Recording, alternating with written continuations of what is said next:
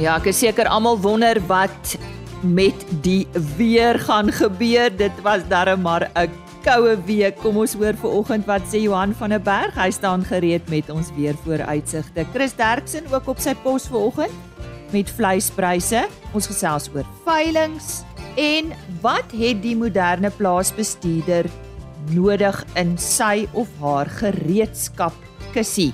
Vaardighede wat destyds toe oupa nog geboer het van toepassing was, het dalk heelwat verander. Ons hoor wat het Brent Jammer van die Departement Landbou Ekonomie Universiteit van die Vrystaat hieroor te sê. Hy het hieroor navorsing gedoen. Goeiemôre, ek glo dit gaan goed met jou daar waar jy is ver oggend op hierdie donderdag 13 Julie. Baie welkom by RSG Landbou en my naam is Lise Roberts.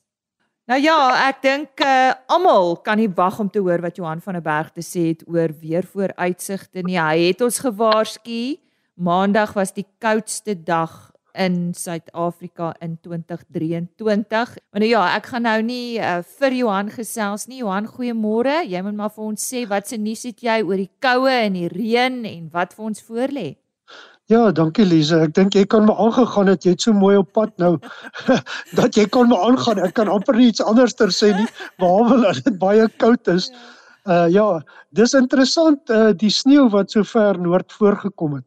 Ehm um, dat ons het gesien dat uh selfs uh in Gauteng het dit voorgekom uh in Mpumalanga, Dullstroom, Wakkerstroom, daai gedeeltes uh het dit voorgekom Natal, KwaZulu-Natal daar in Noord-Volksrus en dan selfs amper in Durban hier by Hilton, uh, Bulwer, Heimwil hier teen die berg uh of Anderburg nader. So dit het redelik wyd gesneeu selfs noord en as ek sê selfs noord, dit het natuurlik oor die Drakensberge, Oos-Kaap en uh selfs ek sien die die in die Loodsberg pas tussen Graafrenet uh en en Middelburg het dit gesneeu. So hierdie sneeugebeure wat ons nou hier hierdie laaste paar dae ervaar het. Um dit gebeur nie nie te dikwels nie. Uh ons sien dat dit omtrent so een keer in 5 na 10 jaar gebeur. En ek het nou so 'n bietjie in die geskiedenis gaan teruggaan en ons het eintlik in 20 as ek dink is 2011, 2012 wat ons laas hierdie tipe van sneeu gehad het uh, so ver noord. En dit lyk ook oor tyd asof die sneeu afgeneem het. As ons hier in 1950, 60, 70s gaan kyk, was daar heelwat meer sneeu gebeure wat ver noord gekom het. Terwyl die laaste 20, 30 jaar het ons heelwat minder sulke gebeurtenisse gehad. So ja, ehm um, wat ook baie interessant is, dat uh, baie keer 'n sneeu word geassosieer met El Niño. Uh El Niño jare. En ons het dit toe ek in 1995 in Australië was, het uh, die mense daar ook vir ons gesê dat uh, sneeu baie koue toestande uh baie keer voorkom wanneer die El wanneer daar El Niño is. So ja, ehm um, dit lyk nie of die die koue en die reën verby is nie. Uh hier na die naweek se kant is daar weer 'n koue front wat oor die Wes-Kaap en lyk my ook redelik teen die Weskus gaan opbeweeg. Tans lyk dit nie of daar sneeu gaan wees nie, maar uh die kans is goed dat dit kan verander dat ons weer uh sneeu nog kan kry in die volgende week of twee met die volgende koue front. Daar het heelwat reën ook voorgekom natuurlik oor die Wes-Kaap. Ek het gesien met die rugby wat daar was uh die skole in die 120 rugby hoe dit gelyk op die rugbyvelde. Uh Oos-Kaap het ook redelik gedeeltes reën gehad kolkol en dan baie interessant dit het selfs so ver noord as Barberton gereën. Ek dink daar het iets soos 40 mm voorgekom. Die Helspruit het ook 'n klompie reën gekry. So ja, dit lyk dit lyk of hierdie reën so 'n bietjie half begin noord skuif op hierdie stadium. Nou ja, lente is seker eers in September, so kom ons hou maar uit en aan met hierdie koue weer. Dit was dan Johan van der Berg. Op 18 Julie is dit weer tyd vir die Bonsmara veiling van die Ferrero groep en ek gesels nou met Nelius Ferreira. Nelius, vertel ons net van die Ferrero groep.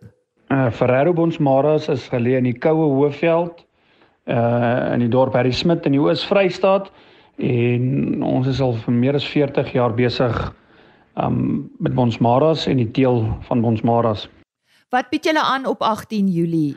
Ons bied op die 18de Julie Dinsdag om 11:00 op die plaas Grootdraai 50 top Bonsmara bulle asook 170 dragtige kommersiële vroulike diere wat sal kalf van Augustus tot November 2023. En uh, Nelies, waar vind die veiling plaas en wie bied dit vir julle aan? Die veiling vind plaas op die plaas Grootdraai. Harry Smit en BKB tesame met Michael Lessie as afslaer bied ons veiling aan. Om jy af te sluit, net kontakbesonderhede en enige ander inligting waaroor ons nie gesels het nie. Enige voornemende koper kan my skakel by 082 316 3108. Ons sien uit om enige ou kopers nuwe gesigte te verwelkom op ons plaas op die 18de Julie. So sê Nelius Ferreira, hy het gesels oor die Ferrero Bonsmaras produksieveiling op 18 Julie by Groot Draai in die Harry Smit omgewing. Net sy selfoonnommer 082 316 3108.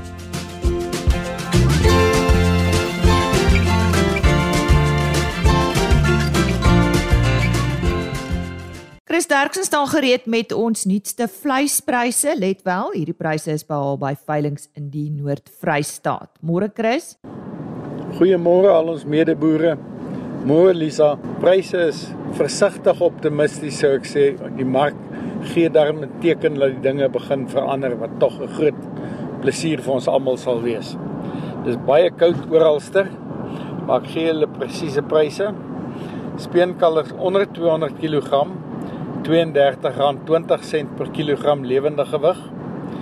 Van 200 tot 250 kg R31.51 en oor 250 kg R29.50. A-klasse was R26.75. B-klasse was dan nie vetkoeie R23.87 en markkoeie R20.01 en die slagbulle was op R26.32. En onthou ek gee julle die beste pryse vir goeie kwaliteit. Dis nie die rekenkundige gemiddeld van die pryse nie. Skape was stoorlammetjies effens af op R42.02. Slaglammers R40.03. Stoorskape R33.61 en vetskape R32.84. Bokke was lammetjies R53.12 en oeye R44 presies. Baie dankie hoor. En indien ons van enige verdere hulp kan wees, gaan kyk by vleisprys.co.za of u kan my skakel by 08280 75961. Baie dankie. Die stem daarvan Chris Derksen, net weer die webtuiste www.vleisprys.co.za. Wat is nodig in die moderne plaasbestuurder se gereedskap kussie? Watter vaardighede moet hierdie persoon hê? Nou Brent Jammer, hy is verbonde aan die departement landbou-ekonomie. Hy is 'n dosent by hulle by die Universiteit van die Vrystaat en hy het juis hieroor navorsing gedoen. Brent, môre, dankie dat jy by ons aansluit. Waarom is dit nodig dat ons oor hierdie onderwerp gesels? Goeiemôre Lize, nog goeiemôre aan die luisteraars. Ja, dit is 'n baie belangrike onderwerp om oor te gesels vanweë die feit dat boerdery tot 'n mate so gemoderniseer het of so verander het in vergelyking met vorige tye dat boere of plaasbestuurders in die geval baie effektief op dieselfde stuk grond moet boer. So uh, jy moet kyk waar dit hulle nodig, so ek noem dit 'n gereedskap kussie. Mens weet mos dat boere ry mos maar in hulle bakkies met 'n gereedskap kussie om probleme op te los en om dinge styf te trek op die plaas, ja. Nou wat is 'n tipiese posbeskrywing van 'n plaasbestuurder deesdae? Ek sien jy dit ook gaan ondersoek. Ja, ons het gaan kyk na wat dit wat vereis die industrie wanneer hulle op soek is na plaasbestuurder en ons het geïdentifiseer dat dit belangrik is dat hierdie plaasbestuurder uh kennis het oor die spesifieke veld waarin hy soms is dit op 'n uh, saaiplaas, soms is dit op 'n wildplaas en soms is dit op voerkrale. So jy moet kennis het op die spesifieke veld. En dan ander mens kyk na sy uh, opleiding of sy kwalifikasies, dan is dit soms voordelig vir die plaasbestuurder om 'n diploma of 'n graad te hê, verstaan?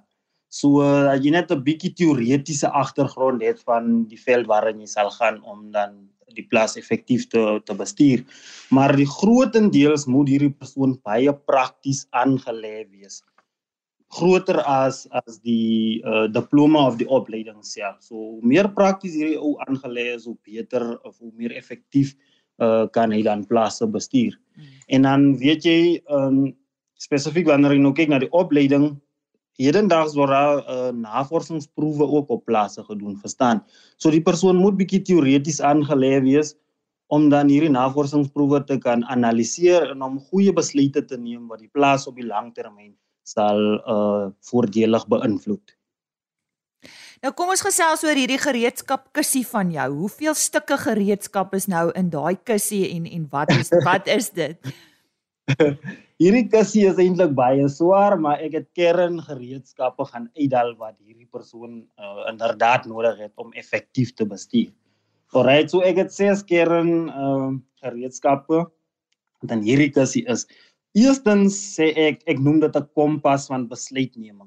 Onthou, besluitneming bepaal in watter rigting die plaas sal gaan. Net soos as jy in die uh oerwoud sal verlore gaan, nodig jy 'n kompas om te sê waar is my ware noord, waar is my wes, waar is my suid. So besluitneming speel 'n kernbelangrike rol om te sê waarheen is die plaas op pad. Alright, so en bestuurders moet dan 'n doelgerigte benadering met dit hê want dit sluit in soms moet hulle besluite maak nou wat eers 20 tot 30 jaar van nou af 'n invloed op die plaas sal hê. Soms is die besluite baie hard wat hulle moet neem dan vir die uh soos die shareholders as ook die die werksmag wat saam met hulle is, is dit soms hard om die besluite aanvaar maar 'n plaasbestuurder moet sonder huiwering besluit kan neem om die plaas in die regte rigting te bestuur met hierdie kompas van hom. En dan tweedens sê ek hy haal uit sy gereedskapkissie 'n vergrootglas om probleme en geleenthede te identifiseer. Verstaan soms ry boere of plaasbestuurders deur hulle lande of deur hulle diere en dan moet hy sy vergrootglasie kan uithaal om 'n probleem vinnig genoeg te kan raak sien.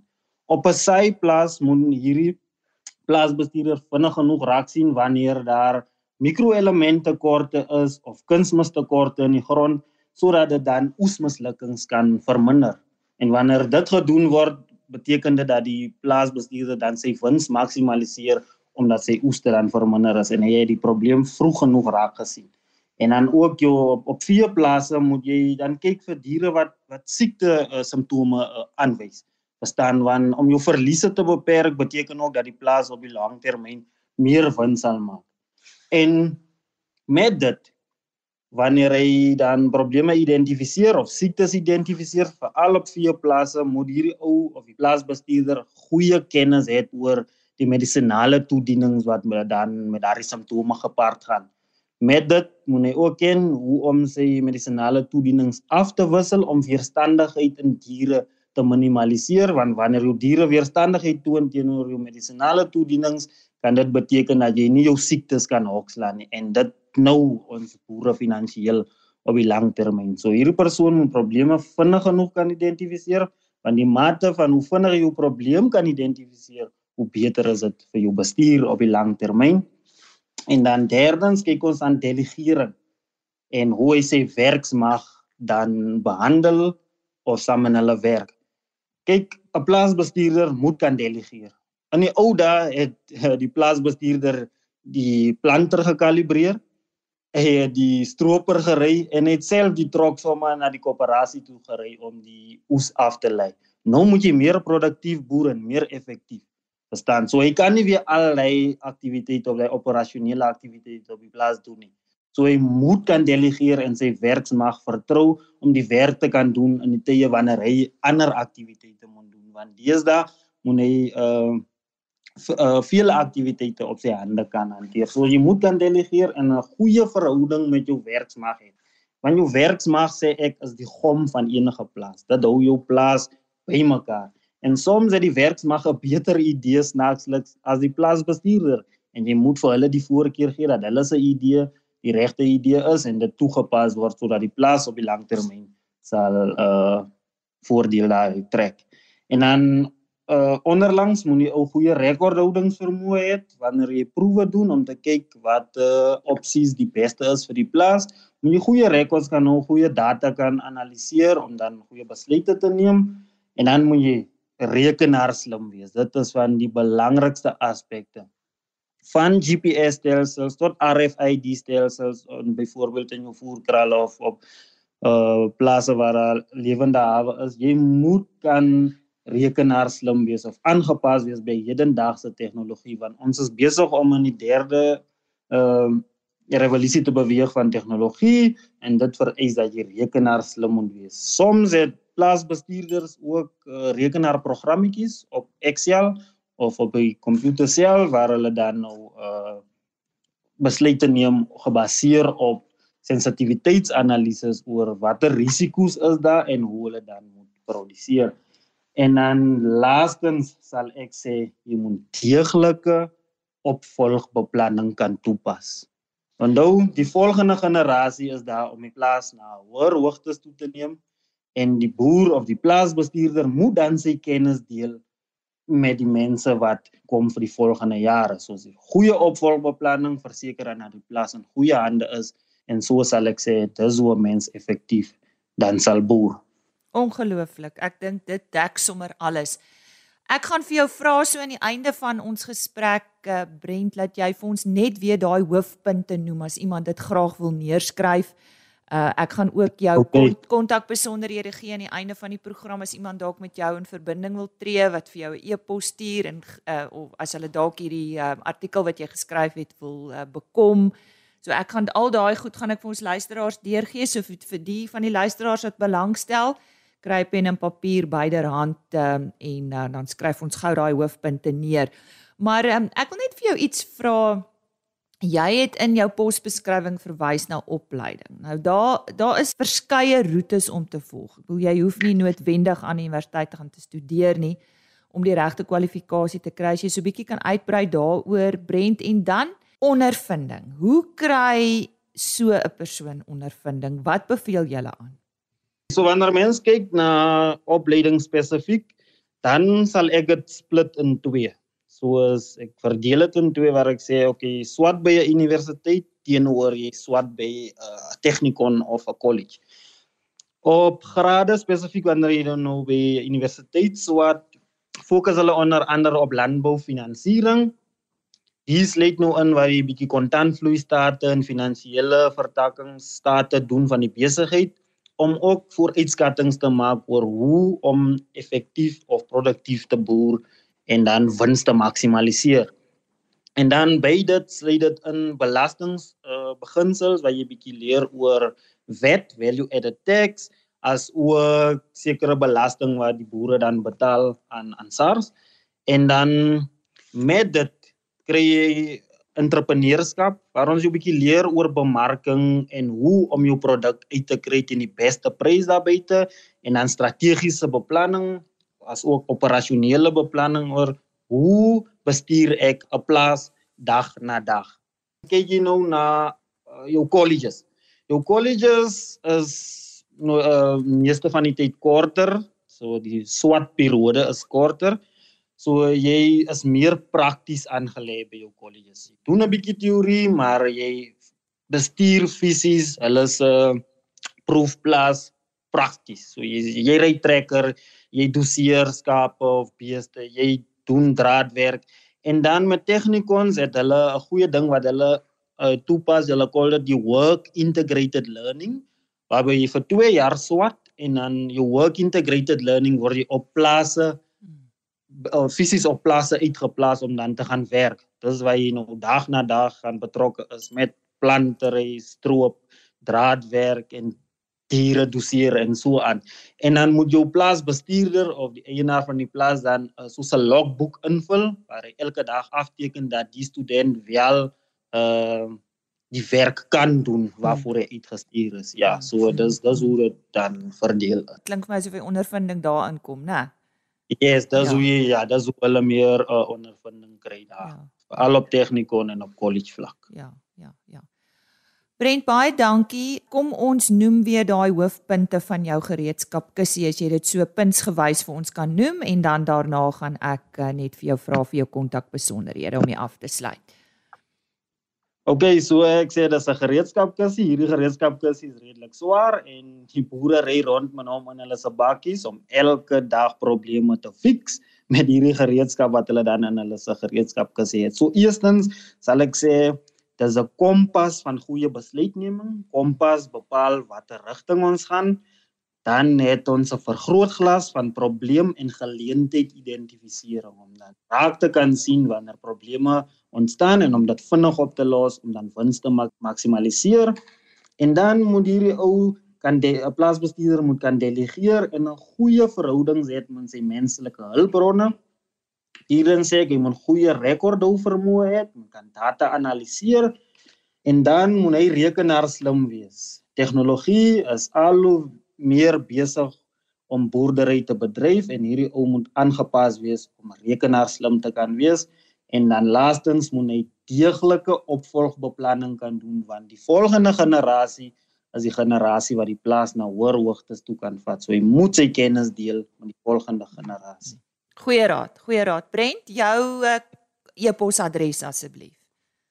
Uh, my e-posadres is jammerbd@ufs.ac.za. Ja. So jammerbd@ufs.ac.za.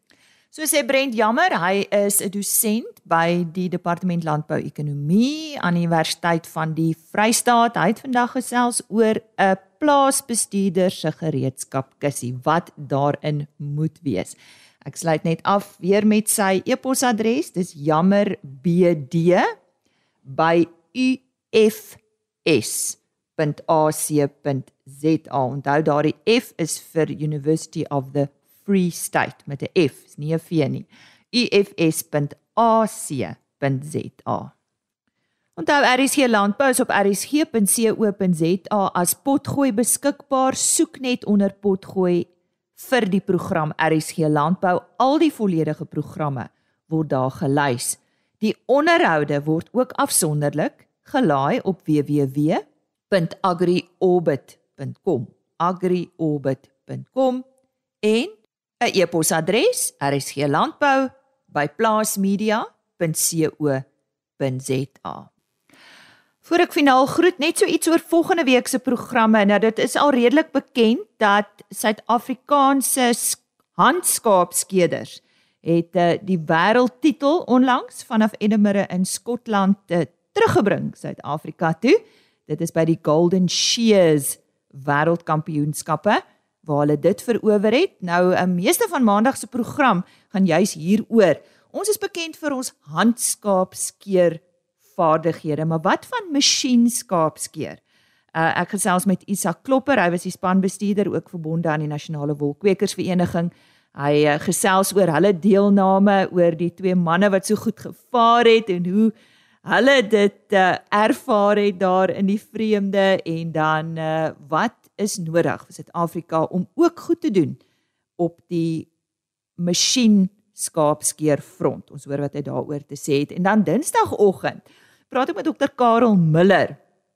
Nou dit gebeur dikwels dat ek en jy vir 'n buurman of iemand op sosiale media wat ek ken 'n vraag vra. En jy glo daai persoon. Nou in 'n boerdery gebeur dit dat uh, boere ook vir mekaar raad vra en uh, daai raad kan jou duur te staan kom. Ons hoor bietjie wat hy oor boere rate en gelowe te sê. Dis nou Dinsdagoggend in RSG Landbou. Bly warm, bly gesond. Wonderlike naweek word jou toegewens en dankie dat jy hierdie week ingeskakel het vir RSG Landbou van my kant af. Totsiens. RSG Landbou is 'n plaas media produksie met regisseur en aanbieder Lize Roberts en tegniese ondersteuning deur Jolande Rooi.